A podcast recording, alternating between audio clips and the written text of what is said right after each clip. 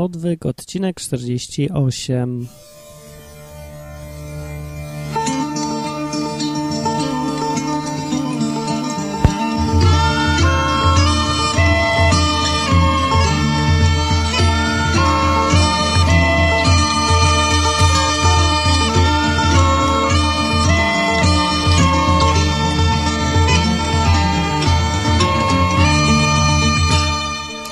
dobry, dzień dobry w roku 2008, 3 stycznia, yy, tak, 2008, żebym się nie pomylił, 8, dobrze mówię, 8. Yy, I to jest podcast Odwyk, to, co, to czego słuchacie, a ja jestem Martin i opowiadam wam o Biblii, o ewolucjonizmie, kreacjonizmie, o Bogu, o wykopaliskach i o dinozaurach, o tym wszystkim, bo to wszystko się ze sobą wiąże i ma to jakiś głębszy sens jedno z drugim. No, ale ogólnie to jest podcast o Biblii właściwie w zasadzie i o Bogu. No, tak. Tak dla ludzi normalnych, pozakościelnych. Yy, tak, no i co? W związku z tym, że jest rok 2008, to ja chciałem zrobić takie małe mini podsumowanko, ale dużo nie będę mówił na ten temat, bo takie rzeczy mówią przeważnie ludzie, podcasterzy, którzy nie mają aktualnie nic do powiedzenia i tak trochę przynudzają. To was nudzić nie chcę, bo mam dzisiaj ciekawsze tematy. Dziś będzie znowu o ewolucji, tak sobie zacznę rok 2008. Dlaczego nie? Tak, będzie. No a podsumowanko, w podsumowanku tylko powiem, że w wynikach ankiety, o której mówiłem w ostatnim odcinku, którą zaczął, wymyślił, skonstruował i uskutecznił Filip z podcastu Nie Tylko dla Orłów, w tej ankiecie właśnie odwyk zajmuje ciągle jeszcze pierwsze miejsce w kategorii najinteligentniejszy polski podcast. I tutaj gdzieś powinny być brawa. Gdzieś tu były. No, były, ale już ich nie ma. Są zupełnie inne dźwięki, ale ich puszczać nie będę. Dobrze, znowu no, jestem nieprzygotowany. To jest, to jest wszystko podcast na żywo. Yy, naprawdę. Nieobrabiany. Dlatego taki dziki trochę. No i co jeszcze? W kategorii odkrycie roku 2007 Odwyk zajmuje drugie miejsce. W ogóle to jest ankieta dotycząca wszystkich podcastów w Polsce, więc no, takie wyniki są miłe bardzo dla tego, kto zajmuje wysokie miejsca. No, odkrycie roku 2007, drugie miejsce ma Odwyk aktualnie, a pierwszy jest podcast Lubię Kiedy Pada, a ja lubię też ten podcast. Lubię Kiedy Pada, fajny, fajny. No i jeszcze byłem w kategorii, znaczy Odwyk był w kategorii Twój ulubiony podcast roku 2007, czyli to, co możesz polecić przyjacielowi. Odwyk był pierwszy nawet przez chwilę, a teraz już jest szósty. Uuu, spadł. Ale pierwszy jest Celluloid i bardzo słusznie, bardzo lubię ten podcast. www.celluloid, coś tam, nie wiem. Trzeba znaleźć taki podcast w Google, napisać Celluloid i będzie o filmach. Tylko trochę rzadko nadałem, bardzo lubię. W sumie to mój ulubiony chyba nawet. No i dobrze, no właśnie, jeżeli ktoś jeszcze nie wypełnił ankiety, co lubił w roku 2007, no to zapraszam. Dam jeszcze raz ostatni link w komentarzu pierwszym, żeby ktoś mógł zagłosować zgodnie z sumieniem swoim, bo niektórzy dopiero od niedawna słuchają odwyku albo przegapili odcinek, nie wiedzieli, że jest ankieta, no to może, może się odwyk podniesie jeszcze, na przykład będzie jednak ulubionym podcastem ludzkości. A w ogóle to jeszcze takie podsumowanie do podsumowania. Chciałem to powiedzieć, wyrazić głośno moje zdziwienie wielkie. Zdziwiony jestem, że tyle osób słucha odwyku. To, to naprawdę dużo. No bo zobaczcie, ile ludzi głosowało. To jest, zdaje się, że ponad 100 osób głosowało na odwyk jako na ulubiony podcast. Czy tam, no prawie 100, nie wiem, może, może więcej niż 100, nie pamiętam. No ale to jest bardzo dużo. No bo w kraju, w którym wszyscy oficjalnie są katolikami, a nikt nie zna Biblii i w kraju, w którym wszyscy są głęboko wierzący i giną za wiarę przodków, a chodzą do kościoła dwa razy w roku, to, to takie przedsięwzięcie jak podcast, w którym się mówi o Bogu, to jest takie dziwne, karkołomne i trudne. W ogóle to jest w kraju, w którym ludzie zapomnieli, jak mówić o takich rzeczach i nikt już nie potrafi mówić naturalnie, naturalnie i normalnie o Biblii, Bogu, o tym, w co wierzy, o tym, co myśli, o tym, nie wiem, o śmierci nawet, no to są takie tematy. Nikt już o tym nie gada, bo jakoś tak nie wypada, nie? bo teraz wypada mówić o tym, jaki kupić iPod albo odtwarzacz MP3, a nie o tym, yy, no, co się chce, żeby po nas zostało po śmierci i kto myśli, że gdzie trafi po śmierci. W ogóle zapomnieliśmy sobie o tym, że umrzemy. No, no to świadczy o tym, że bardzo nam się dobrze żyje i wygodnie i że trochę zgupieliśmy od tego wszystkiego, co nas otacza. No i to jest moje podsumowanie, że właśnie jestem zdziwiony, że tyle ludzi słucha tego i bardzo się z tego cieszę i będę się dziwił dalej i dalej nagrywał, póki jeszcze ktoś chce gadać ze mną. A w ogóle to jeszcze tam powinna być w tej ankiecie kategoria podcast z największą liczbą komentarzy i tutaj bym był zdecydowanie pierwszy. Nigdzie nie ma tylu komentarzy i tylu aktywnych słuchaczy podcastów, co w podcaście Odwyk www.odwyk.com. Zobaczcie na stronie, ile tam ludzi pisze. No, to teraz puszczę, żeby sobie zrobić taką, nie sobie, żeby tak w ogóle lepiej się słuchało, dobrze robić sobie przerwy. Zrobię przerwę, opuszczę reklamówkę, na przykład taką.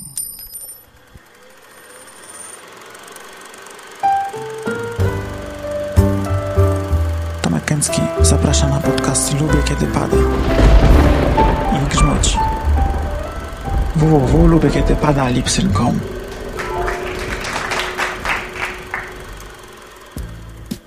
lubię, kiedy pada, ale nie lubię, kiedy jest zimno. Właśnie to ma miejsce dzisiaj. Minus 8 stopni w Krakowie, wiatr wieje potworny. Raz jeden człowiek był e, na Syberii i mi opowiadał, że e, tak bywa, że na Syberii wcale nie jest tak zimno. Znaczy nie czuje się, że jest tak zimno jak w Polsce bo tam jest sucho, a w Polsce wie, jak zawieje taki wilgotny, zimny wiatr. No to tragedia. To naprawdę człowiek żałuje, że na Syberii nie jest czasem. No dobra, ale to nie jest podcast o pogodzie, tylko to jest podcast o dzisiaj o ewolucji i kreacjonizmie. Dlaczego? No bo to nie chce mi się po raz 15 mówić, że to ma związek z Biblią, z Bogiem i, i takimi sprawami. Jak ktoś nie wie, to niech poszuka poprzednich odcinków. W końcu po to je nagrywam, żebym nie musiał ciągle mówić tego samego, tylko raz nagram i powiedziałem, nie? E, no to dobrze, ale o ewolucji. To ja dzisiaj chciałem powiedzieć tak. E, odpowiedzieć na takie pytanie. Pytanie, z kim nie warto rozmawiać o ewolucji i kreacjonizmie? Z kim nie warto rozmawiać?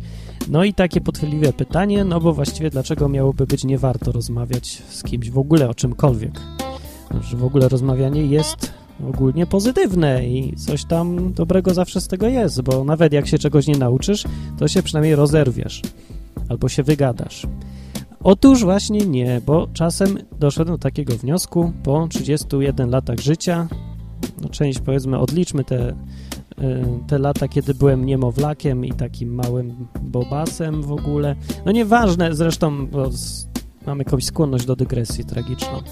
Y, no tak czy inaczej doszedłem do wniosku, że czasem nie warto rozmawiać, warto iść, powiedzieć, a cześć, nie gadam z tobą, iść sobie. Dlaczego? No bo nie warto tracić czasu. Dlatego, że w tym czasie możesz gadać z kimś innym i efekt będzie dużo lepszy na przykład. O albo dlatego, że możesz nie dość, że niczego się nie dowiesz, to jeszcze zgłupiejesz do reszty, albo się wkurzysz i nic z tego dobrego nie wyjdzie. No różne mogą być powody tego, że, żeby nie rozmawiać o ewolucji z kimś i tak sobie myślałem, na tym wypisałem sobie listę, z kim myślę ja, że nie warto rozmawiać o ewolucji. No więc nie warto rozmawiać o ewolucji z księdzem. Dlaczego? No bo ksiądz nic przeważnie nie wie na ten temat. No bo bo skąd ma wiedzieć? Bo po pierwsze obowiązuje go oficjalna linia kościoła i nie mówi jako on człowiek, tylko jako on reprezentant kościoła, więc co mu każą, to powie. Nie? Jak jutro Kościół oficjalne stanowisko przyjmie, że ewolucji nie było, to nagle wszyscy księża będą wszystkich przekonywać, że ewolucji nie było, a dzisiaj była, przekonują. Dlatego nie warto, bo ten człowiek nie ma przeważnie, jako ksiądz nie ma swoich poglądów, ma poglądy Kościoła. A z Kościołem dyskutować to już w ogóle nie warto.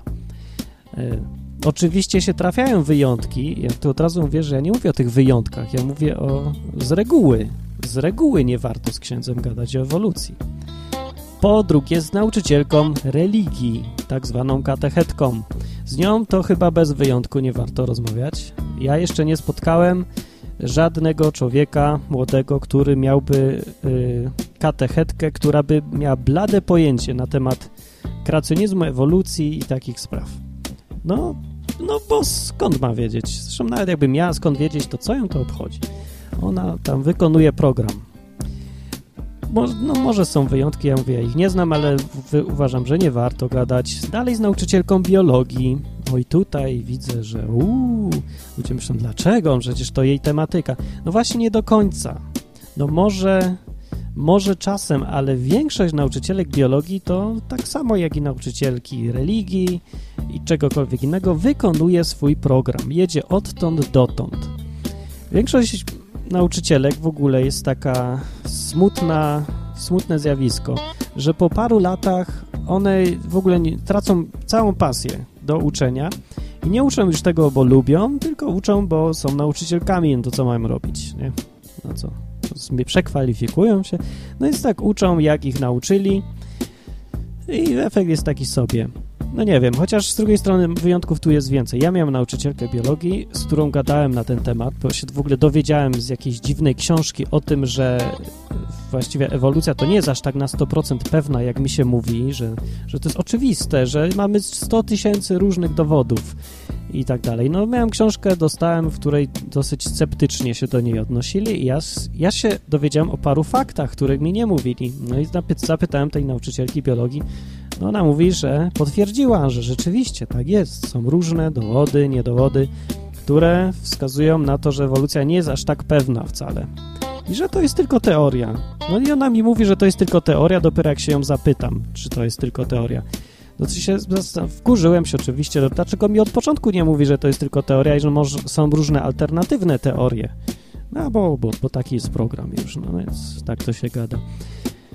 Ehm, w ogóle chyba jest tak, że ogólnie ludzie są zadowoleni y, z siebie i w ogóle ze swojego stanu wiedzy nie wtedy, kiedy uważają, że odkryli coś prawdziwego i słusznego, że mają rację, że nagle się dowiedzieli ważnych rzeczy. Nie wtedy. Wtedy są zadowoleni, kiedy mają święty spokój, kiedy ich wiedza, chociażby była najgłupsza na świecie, daje im wygodny, święty spokój, yy, uwalnia ich od myślenia, od szukania, od wątpliwości. Wtedy są zadowoleni. No z takimi ludźmi to już na pewno nie warto rozmawiać, chociaż też czasem dziwne wyjątki się zdarzają, że człowiek, który wydawałoby się, że w ogóle go nie interesuje coś takiego jak prawda, o jakimś temacie, nagle zaczyna mieć wątpliwości i szuka i zmienia swój pogląd, światopogląd, sposób myślenia. No, różnie, nie? Ale na ogół, ja mówię tu o ogóle. Dalej nie warto rozmawiać o ewolucji z ateistycznymi aktywistami.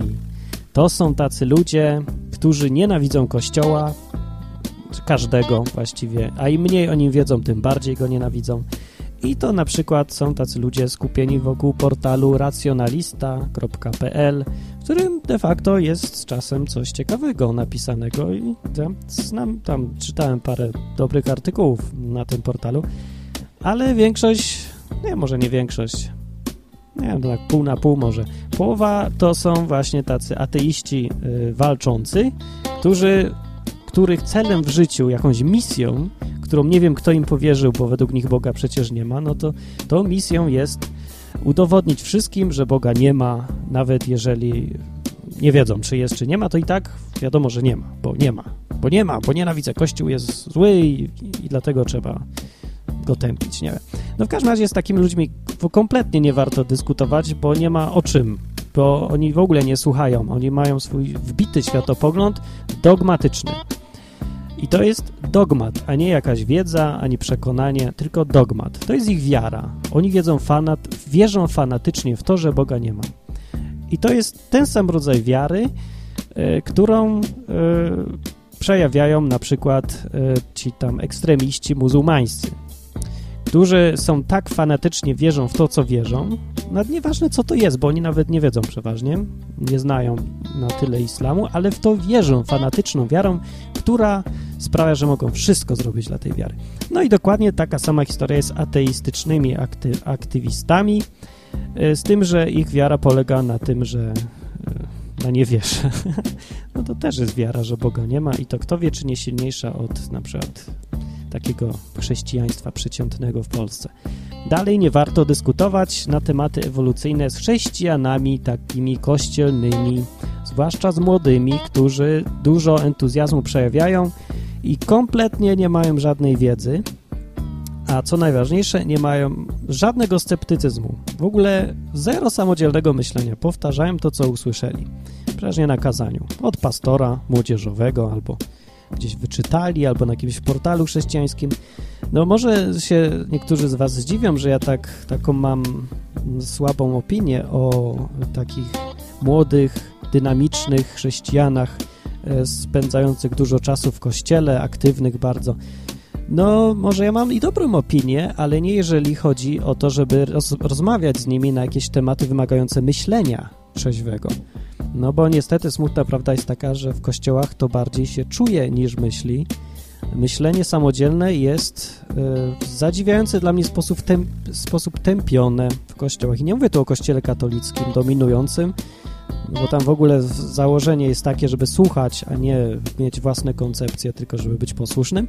Ale mówię o takich mniejszych kościołach i takich bardziej, y, no takich mniejszych, których ludzie się znają i można mieć swoje zdanie, to tam się też nieprzychylnie patrzy na kogoś, kto samodzielnie myśli i poddaje wątpliwość. Poddawanie wątpliwości jest złem w niektórych kościołach a może i w większości.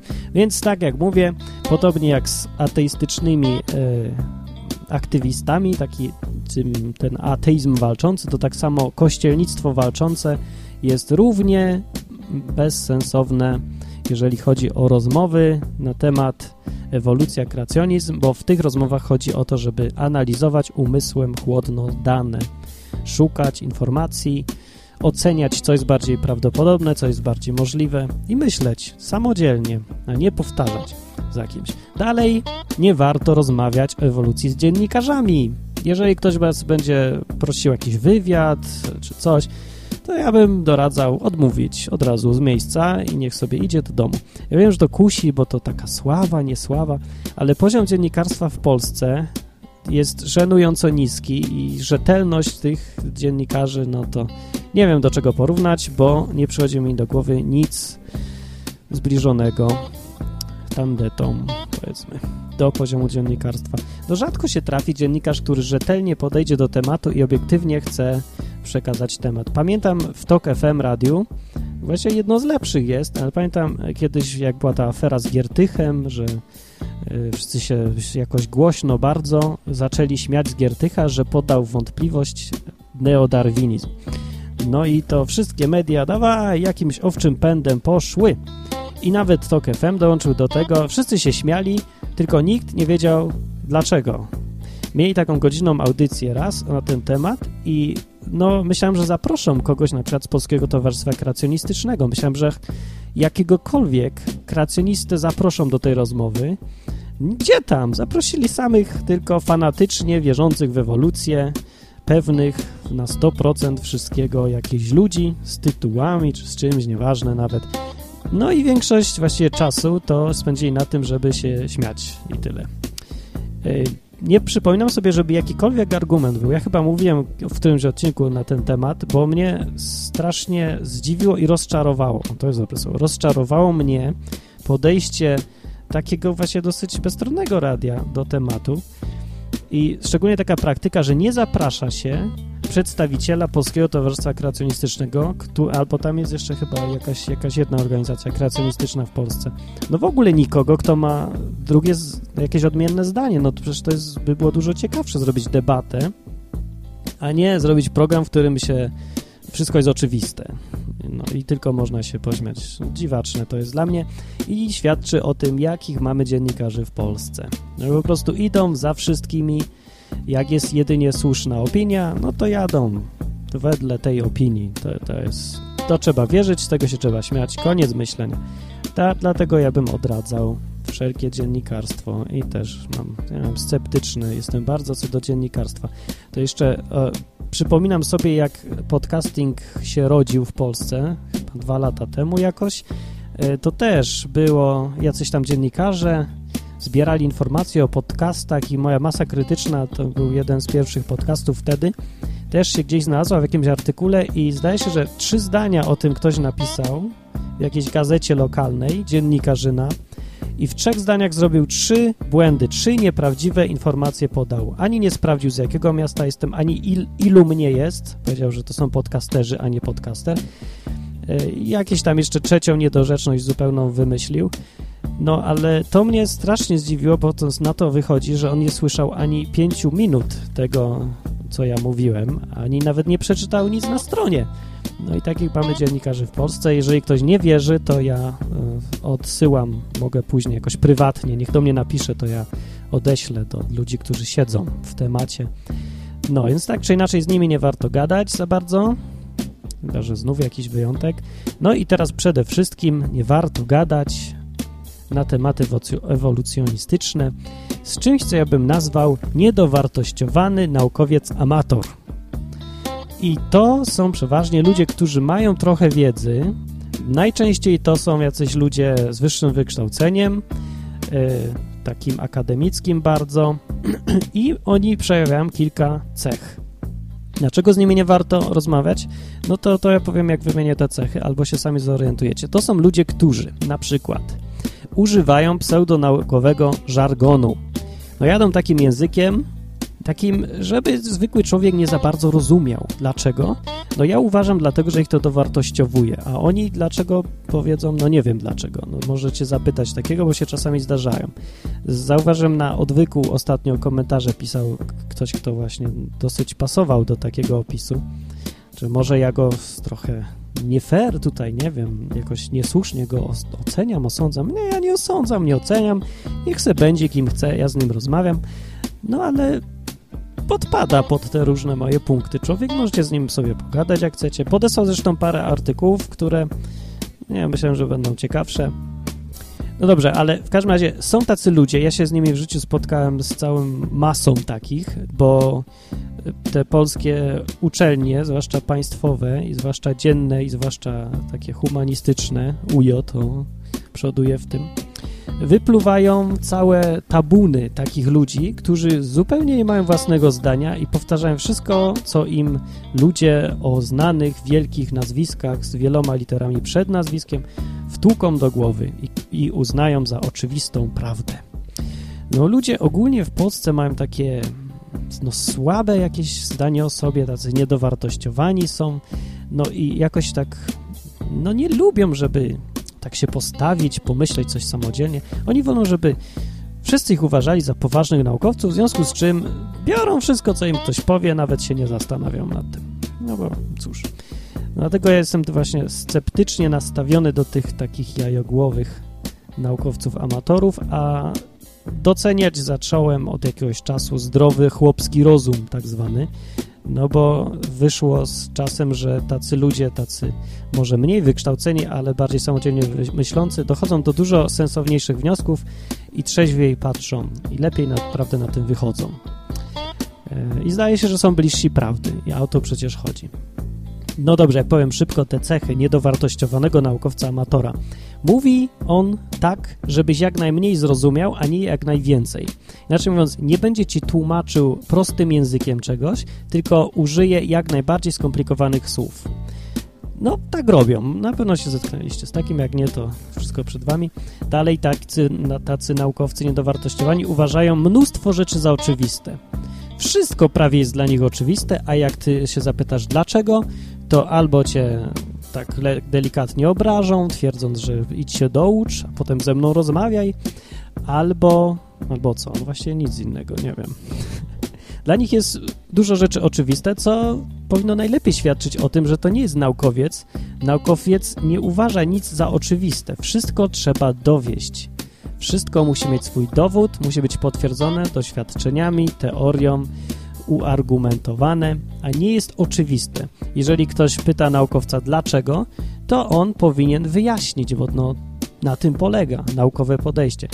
Tymczasem taki pseudonaukowiec uważa, że coś jest oczywiste, bo tak wszyscy mówią, tak wszyscy, to wszyscy wiedzą i już, wiadomo. Dlatego właśnie też myślę, że nie warto gadać z takim. Dalej tacy naukowcy powołują się co chwilę na jakieś znane nazwisko.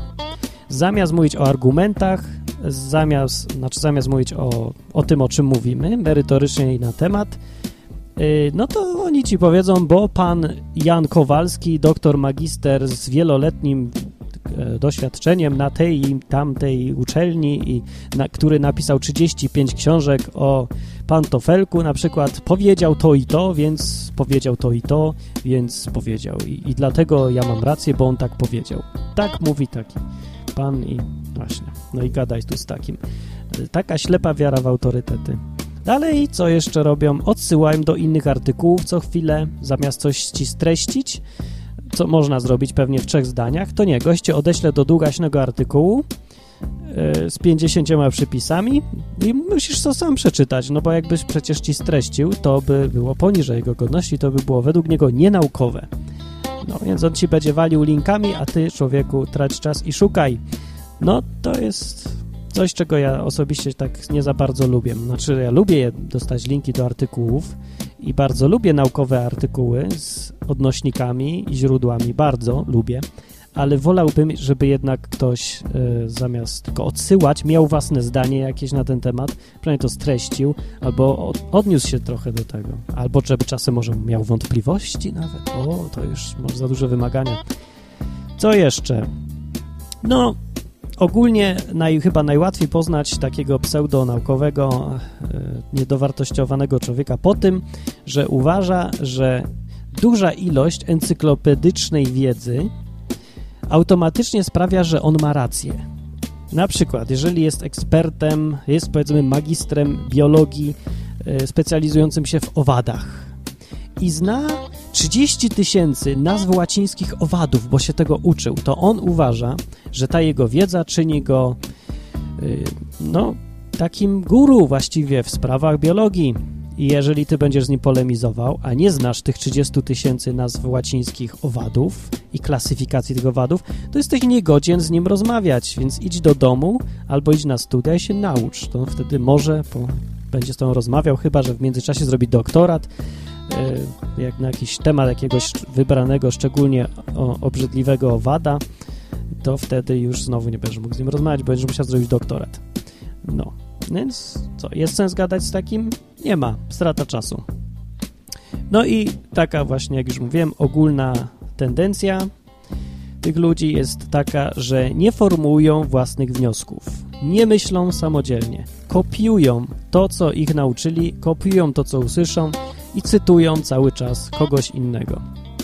No ja rozumiem, że no nie ma za bardzo sensu ciągle wymyślać jakieś swoje teorie i swoje koncepcje, bo na świecie są miliony ludzi, która bada, którzy, no te miliony ludzi badają jakieś tematy i myślą i zastanawiają się, więc dobrze jest korzystać ich, z ich wiedzy, ale naprawdę wymaga jakieś, to, to chyba nie jest jakieś duże wymaganie, yy, no jeżeli ja oczekuję od człowieka, że ma własne zdanie, że zna zdanie tych innych, tych tam milionów, tych naukowców i tych znanych ludzi, tak, no to oczywiście niewiedza nie jest niczym chwalebnym i wiedzieć to należy, ale żeby mieć własne zdanie, własne zdanie jest cenniejsze niż ta cała wiedza encyklopedyczna, którą się można nauczyć na uniwersytecie w ciągu pięciu lat. Własne zdanie i umiejętność samodzielnego myślenia jest dużo cenniejsze i dużo bliżej jest do prawdy od takiemu człowiekowi, który samodzielnie myśli, a niewiele przeczytał nawet,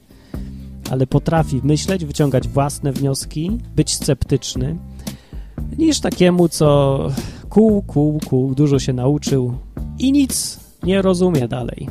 Tylko to cytuje, może cytować, możecie zagadać na śmierć, ale właściwie on sam dalej nie wie ani w co wierzy, ani nie ma własnych przekonań, tylko korzysta z przekonań innych. I jeszcze tylko powiem, z kim warto rozmawiać o ewolucji i kreacjonizmie. No więc tak, przede wszystkim warto rozmawiać ze wszelkiego rodzaju specjalistami. Biologami, chemikami, geologami, genetykami. Z nimi warto, oczywiście warto pytać ich o te wszystkie rzeczy. O wiedzę, o, o to, czego się nauczyli, no bo jednak oni mają dużą wiedzę i znają się na tym i warto im zaufać w tym. Tylko tak, trzeba rozróżniać między wiedzą, między faktami, a wnioskami i teorią. No jeżeli geolog ci mówi, że na tej, na tej głębokości znalazł jakieś drzewo wbite pionowo między trzema warstwami, no to ty będziesz wiedział, że są takie rzeczy. Ale jak on ci mówi, że to lądolud przyniósł tamto drzewo i wbił, albo coś tam się przemieszało, nie wiem, trzęsienie ziemi było w tym rejonie, albo jakieś takie rzeczy wymyśla, to wtedy wiesz, że to już nie jest wiedza, to jest jego wyjaśnienie, jego interpretacja. I to jest jego zdanie. Proszę bardzo, może mieć, ale ty możesz mieć całkiem inne. Inaczej mówiąc, krótko mówiąc, trzeba rozróżniać między wiedzą a no, taką opinią, poglądami. Wtedy można czerpać od każdego coś dobrego. No, poza takimi specjalistami, oczywiście, którzy nie mają żadnych wątpliwości, nie są w ogóle sceptycznie nastawieni, nie żądają dowodów na to, co usłyszą, wierzą wszystkiemu, co ich nauczyli ludzie e, z poważnymi nazwiskami, bo to są ludzie z poważnymi nazwiskami. I tylko dlatego właśnie. No to chyba to tyle na ten podtemat, a za chwilę będzie drugi podtemat.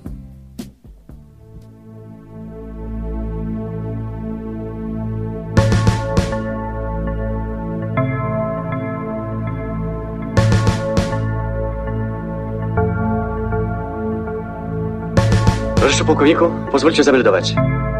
Mówcie. Blockhouse A Znowu nadaję. na www.blockhouseajojo.pl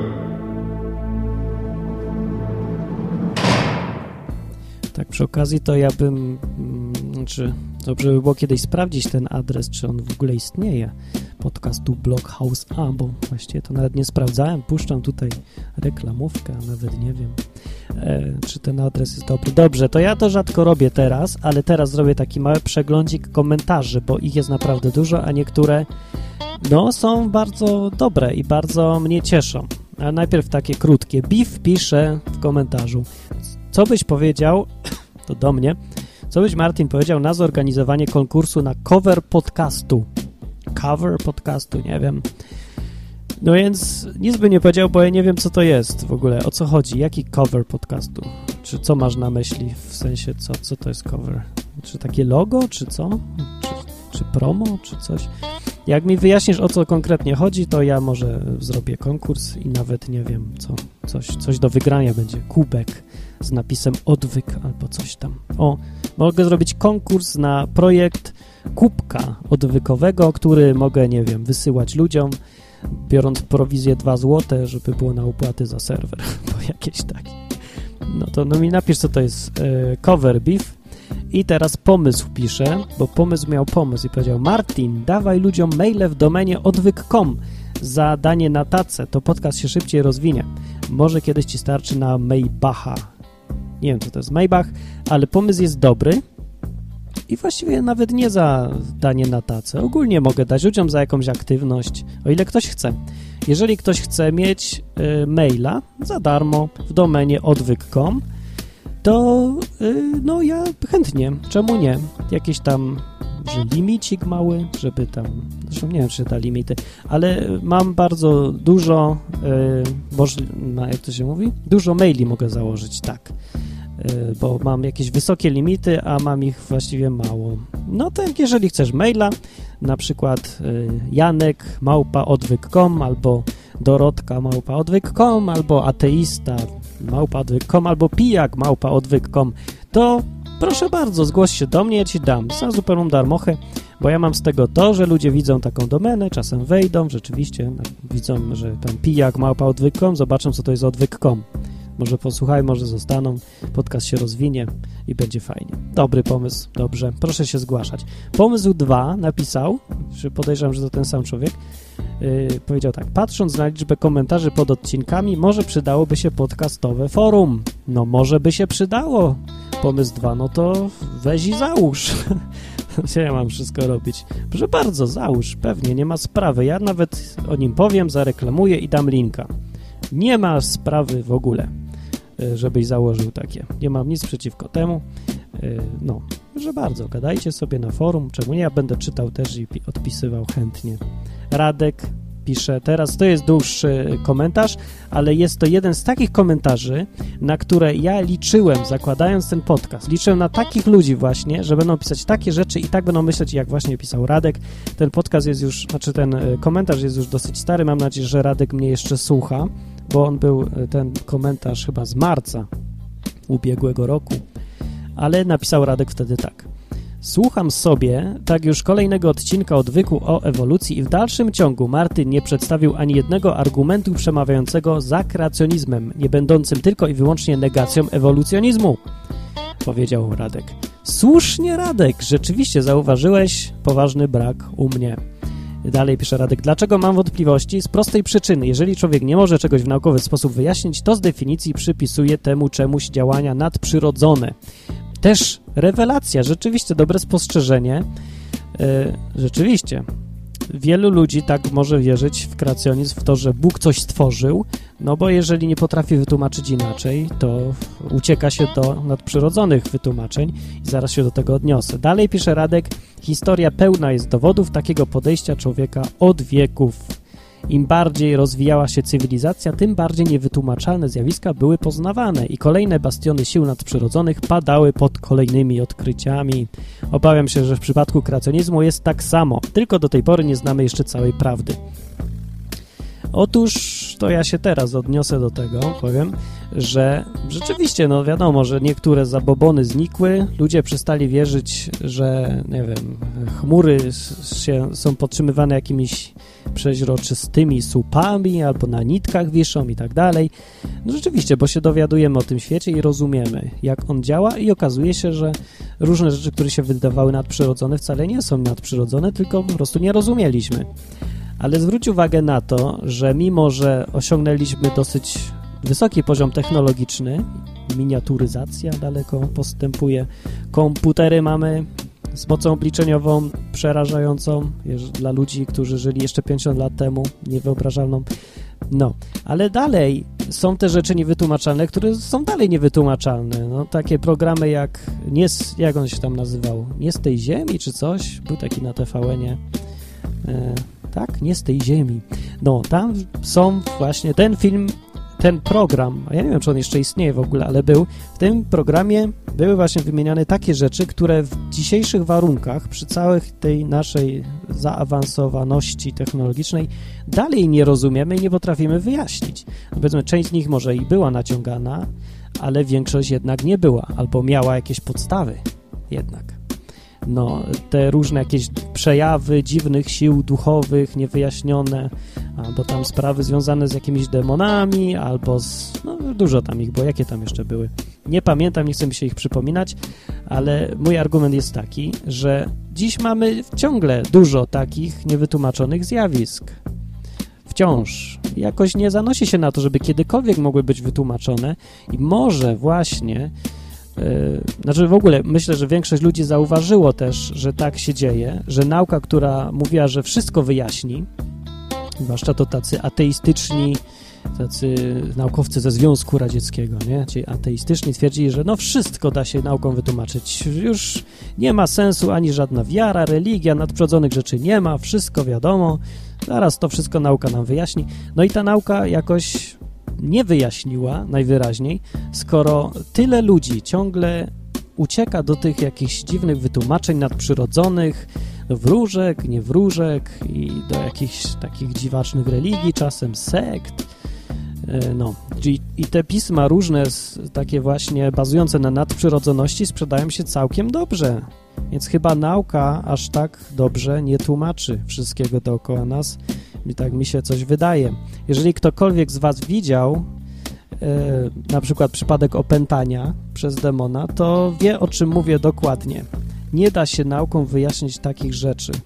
To jak się tylko jest przy tym, to trzeba by nie mieć oczu i uszu, żeby nie mieć, nie zacząć mieć wątpliwości co do tego, że nauka potrafi wszystko wyjaśnić.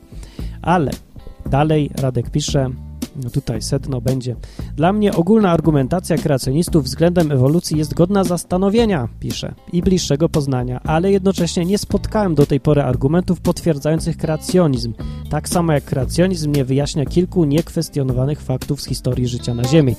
Oczywiście, że to jest prawda.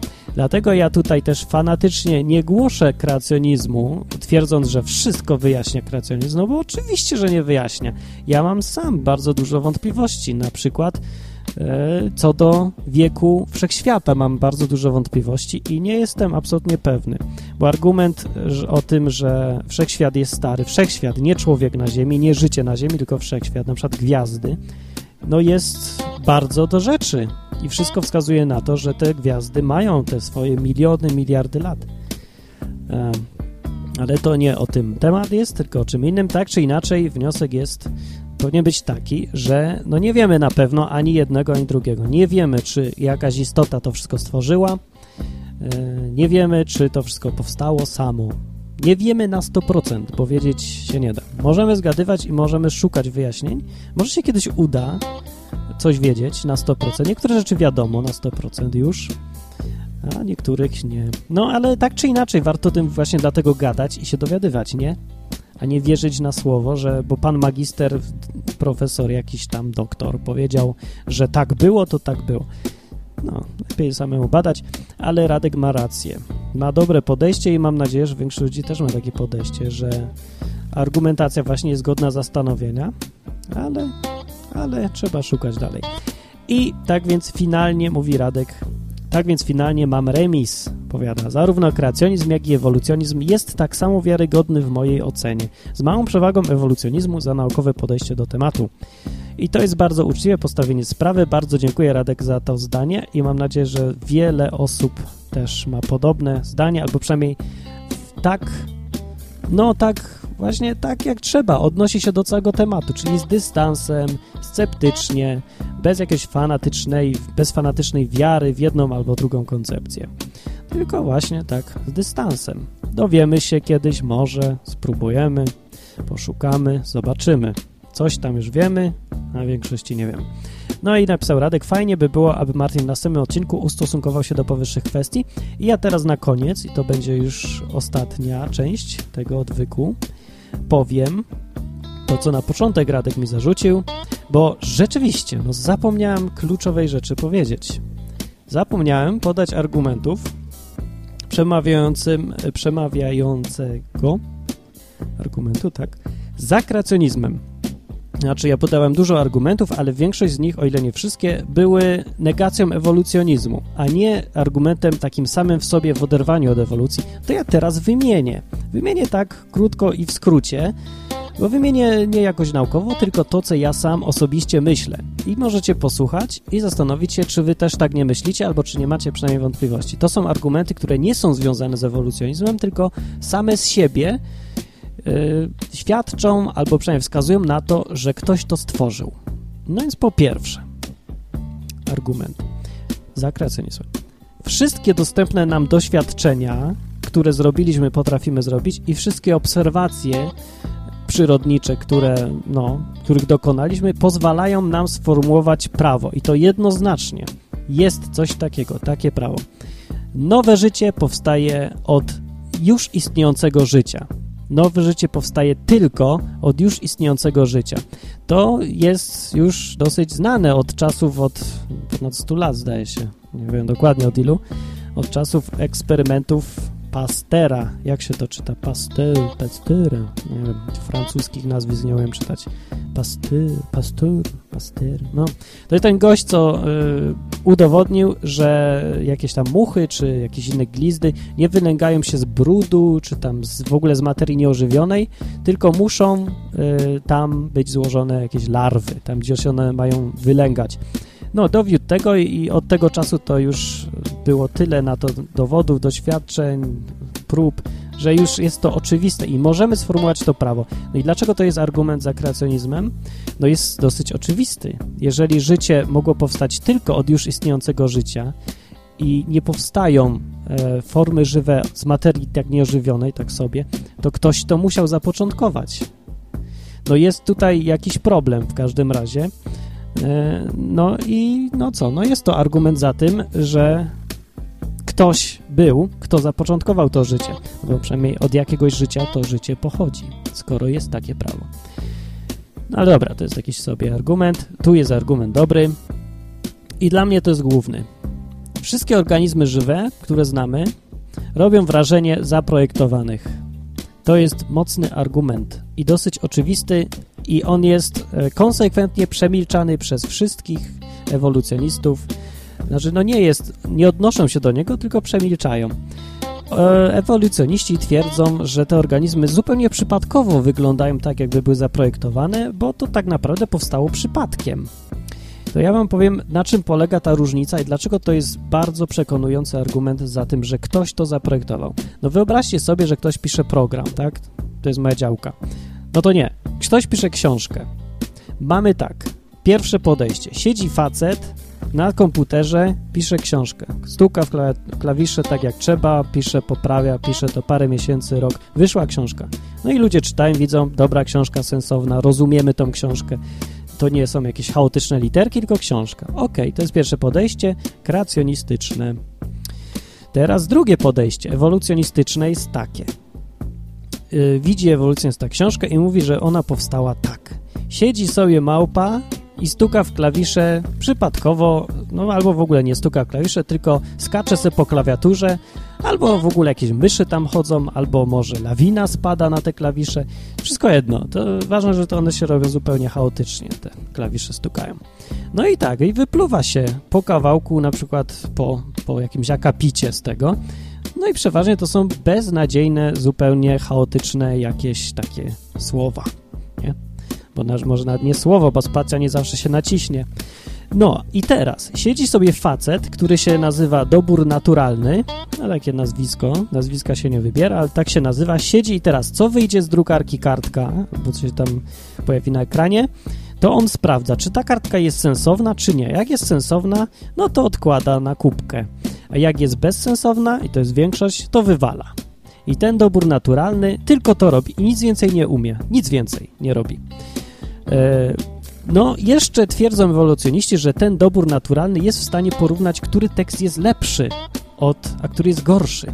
Ale to to już jest takie zaawansowane science fiction i nawet wam nie chcę sugerować, że jakiś facet potrafi po kawałku tekstu, który przeważnie no i tak jest bez sensu i w ogóle nic nie mówi, bo jest chaotyczny, że potrafi powiedzieć, który jest lepszy, widząc tylko ten sam, ten tylko kawałek tekstu i nie wiedząc, o czym ta cała książka ma być. No bo to jest dokładnie takie rozumowanie. No ale dobrze, załóżmy, że tak było, że ta y, po paru, nie wiem, milionach, miliardach prób y, z tą kartką ten facet dobór naturalny odłożył już na kubkę jakiś tam zestaw kartek i postał z tego książka. Y, no taka normalna, naprawdę, ze słowami, ze wszystkim, normalna książka. I teraz Weźcie, popatrzcie na siebie, popatrzcie do lustra, na swojego psa i chomika i nawet na tą muchę albo komara, który was gryzie, albo nawet na głupi wirus. Czy ten to organizm, zróbcie sekcję żaby jeszcze i glizdę przetnijcie na pół i sprawdźcie, co tam w środku jest. I, i poczytajcie parę książek, zresztą wystarczy wiedza z szkoły podstawowej na temat biologii organizmów. I powiedzcie mi, czy ten organizm robi wrażenie takiego, e, jakby był napisany przez gościa, czy robi wrażenie takiej książki, która jest napisana przez gościa, zaprojektowana cała i jest taka, jak ma być, czy robi wrażenie właśnie tego zestawu małpy skaczące po klawiaturze plus pan dobór naturalny, który odkłada kartki, które się udały akurat. No i co to bardziej przypomina? No bo ja nie mam najmniejszych wątpliwości, że to przypomina właśnie projekt. No ja, może mi jest to łatwiej zauważyć, bo jestem programistą. Widzę od razu sensowny program, który działa i potrafię zrozumieć, znaczy potrafię zauważyć, odróżnić bezsens od sensu, chaos od projektu.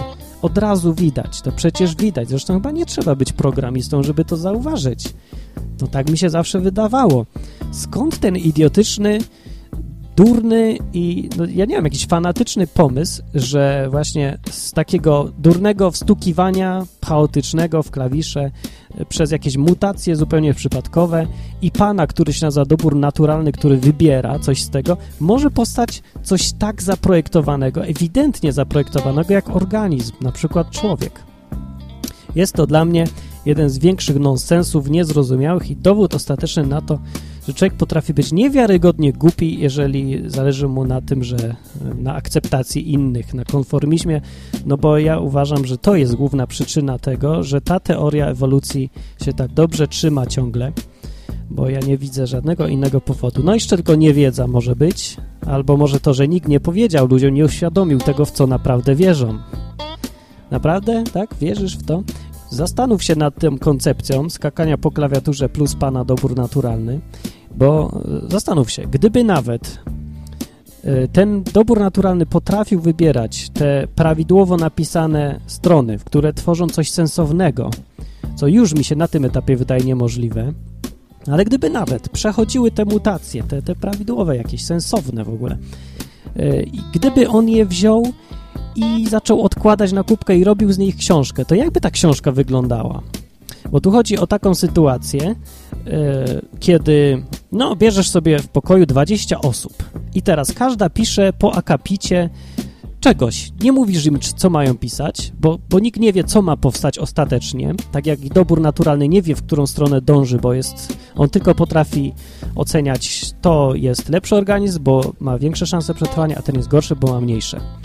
Tylko to robi dobór naturalny. No więc bierzesz sobie teraz, ustawiasz, sadzasz tych 20 osób i każdy pisze kawałek. No. I tyle. I teraz składa się z tego całość organizmu i to ma być sensowne i całość ma działać. To jest jakiś nonsens w ogóle, paranoja. To nie może powstać, to jest durnota, to jest, nie wiem już jak to określić. To jest absurdalny pomysł, że coś takiego może się zdarzyć. Na pewno nie przy takim poziomie skomplikowania. To może mieć miejsce, jeżeli się pisze, nie wiem co, wierszyk dwuwersowy. To się może udać. To się nawet może udać, jak ktoś akapit pisze, jak ma bardzo dużo czasu, to może przez rok takiego chaosu może jakiś jeden wierszyk wyjść. Ale nie, jeżeli ktoś będzie pisał pięciotomową powieść, no to to jest jak to nazwać, takie myślenie. Dlatego e, fakt, że organizmy wyglądają tak, jakby były napisane przez jednego projektanta od początku do końca, że tam fakt, że wszystko tam działa, że nie ma tam śladów chaosu, nie ma tam śladów tego, że tam małpy to pisały i jakieś tam chaotyczne resztki zostały. Nie, no nie ma śladów po tym, wszystko jest na swoim miejscu, wszystko działa.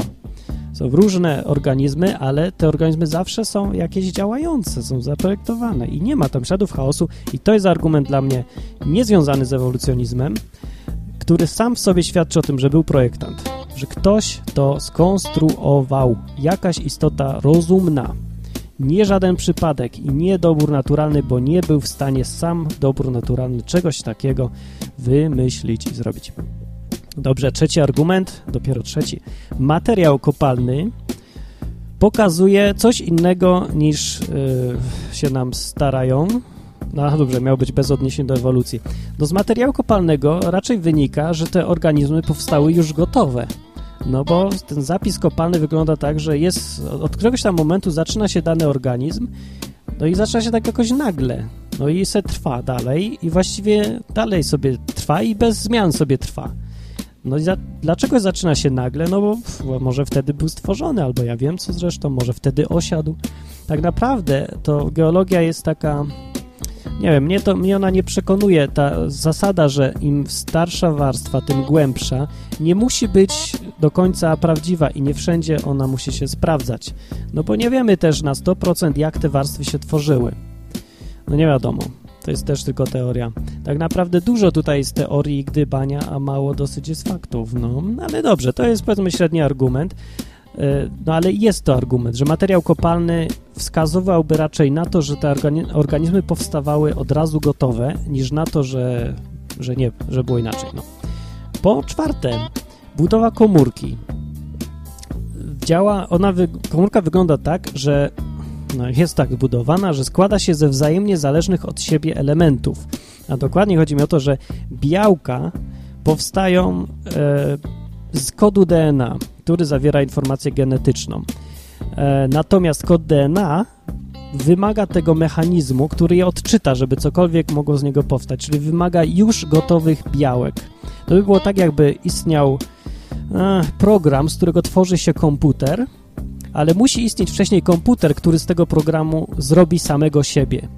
No tak to jest dziwnie zrobione właśnie w organizmach, bardzo sprytnie i e, no jest to tak, na tym polega cała sprytność tego, że wystarczy zbud wystarczyło zbudować jeden tylko mechanizm e, odczytu tego wszystkiego i tylko zmieniać program.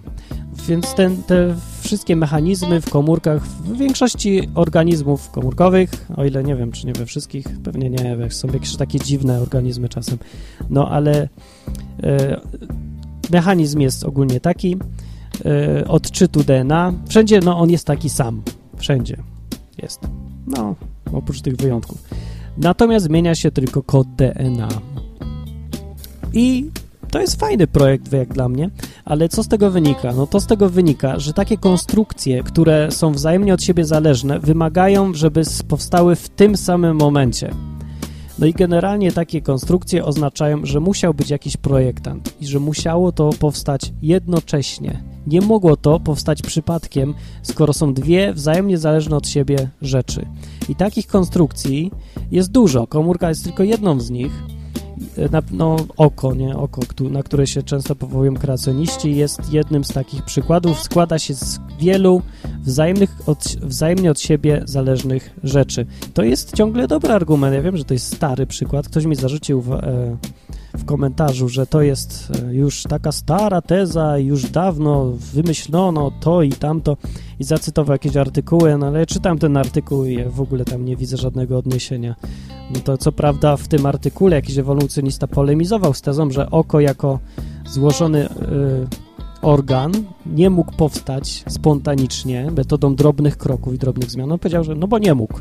A jego, tylko, że jednym jego argumentem na to było to, że ostatnio ktoś badał ślepe myszy i stwierdził, że u ślepych myszy jak ślepną, to powstaje alternatywny mechanizm widzenia, taki dużo gorszy, dużo słabszy, ale powstaje. I to jest dowód na to, że oko mogło powstać drobnymi kroczkami. No jak to kogoś przekonuje, to ja mu gratuluję.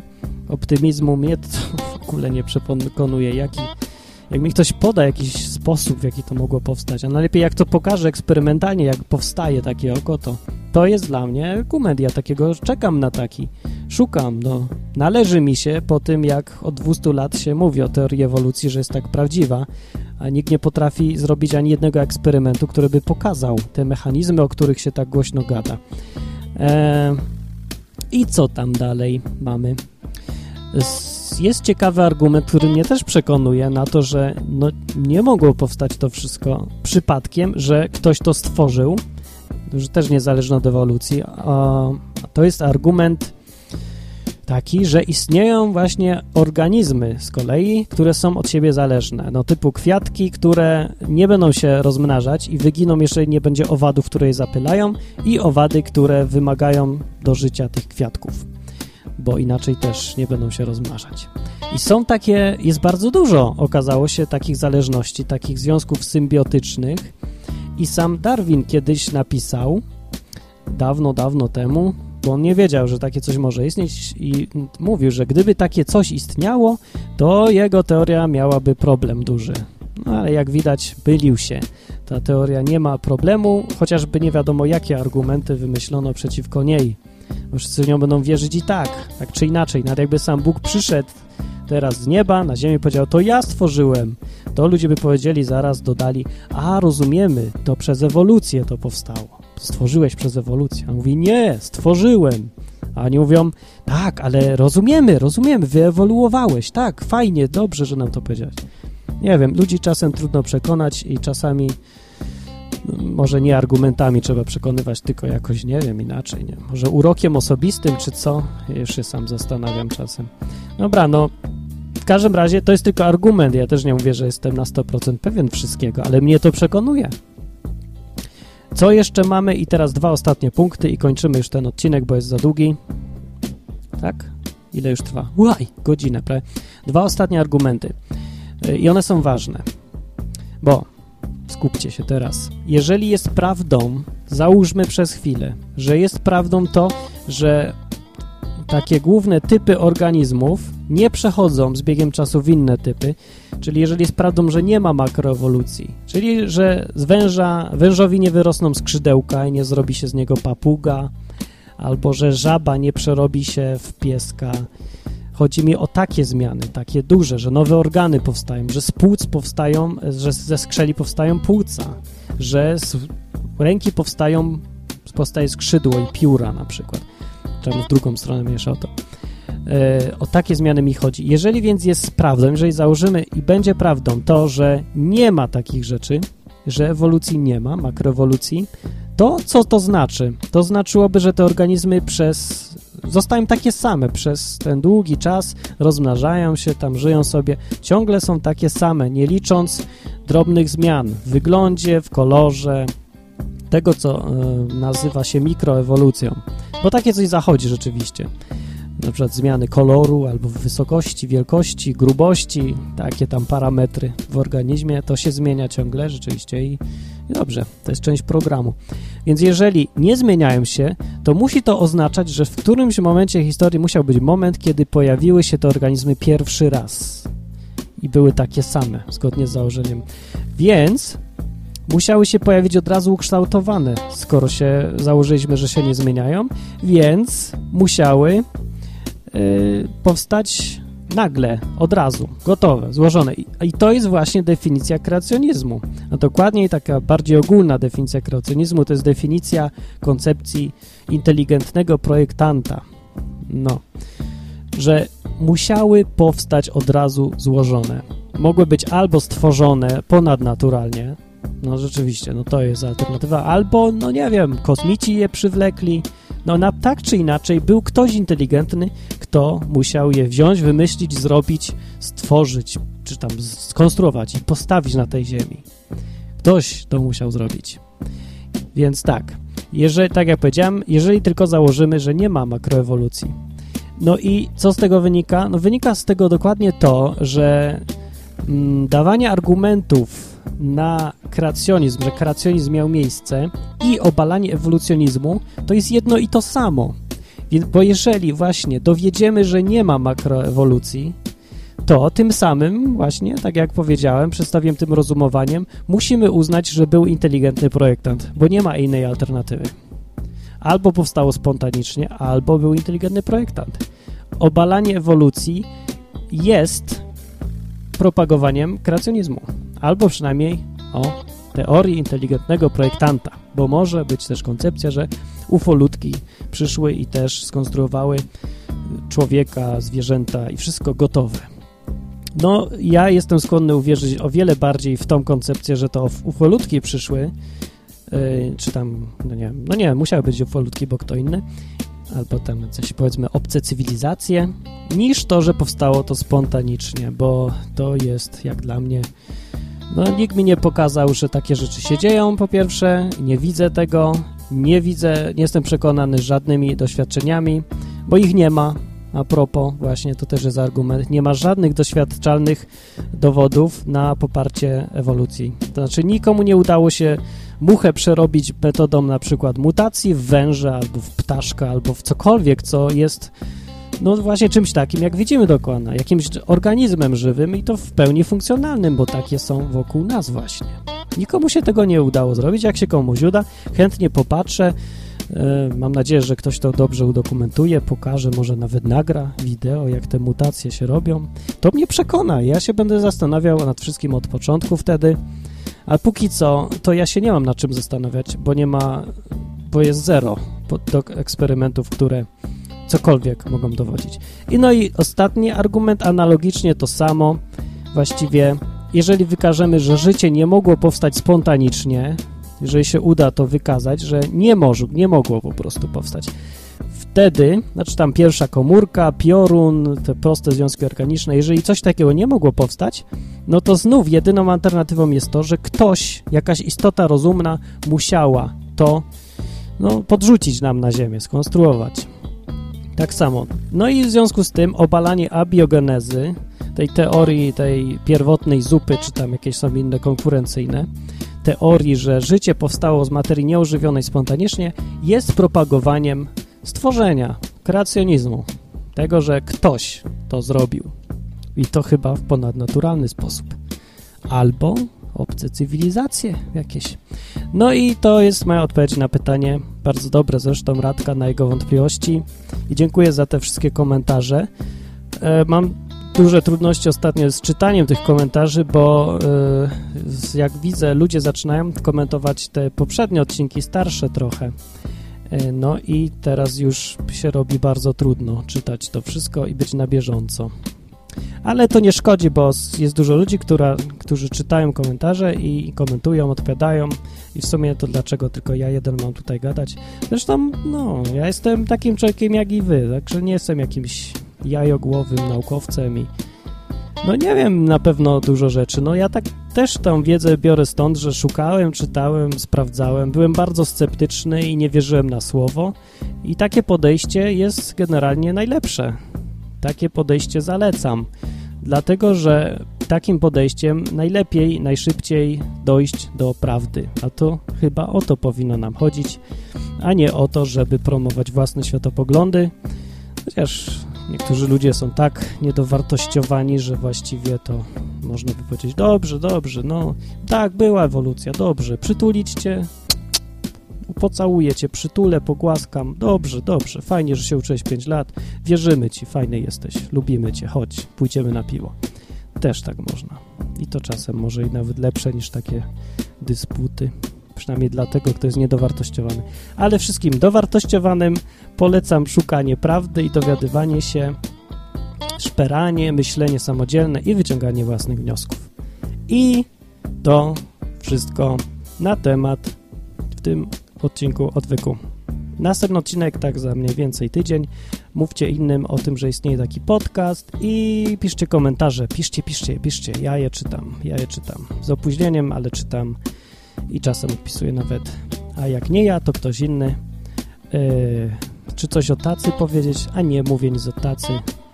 No, po tacy kiedy indziej. A teraz yy, jeszcze właśnie, no tak, jeżeli ktoś nie głosował na, w ankiecie na najlepszy, najinteligentniejszy i tak dalej podcast, to będzie w komentarzu strona www.odwyk.com. No i teraz już naprawdę koniec. To do następnego razu mówił Martin.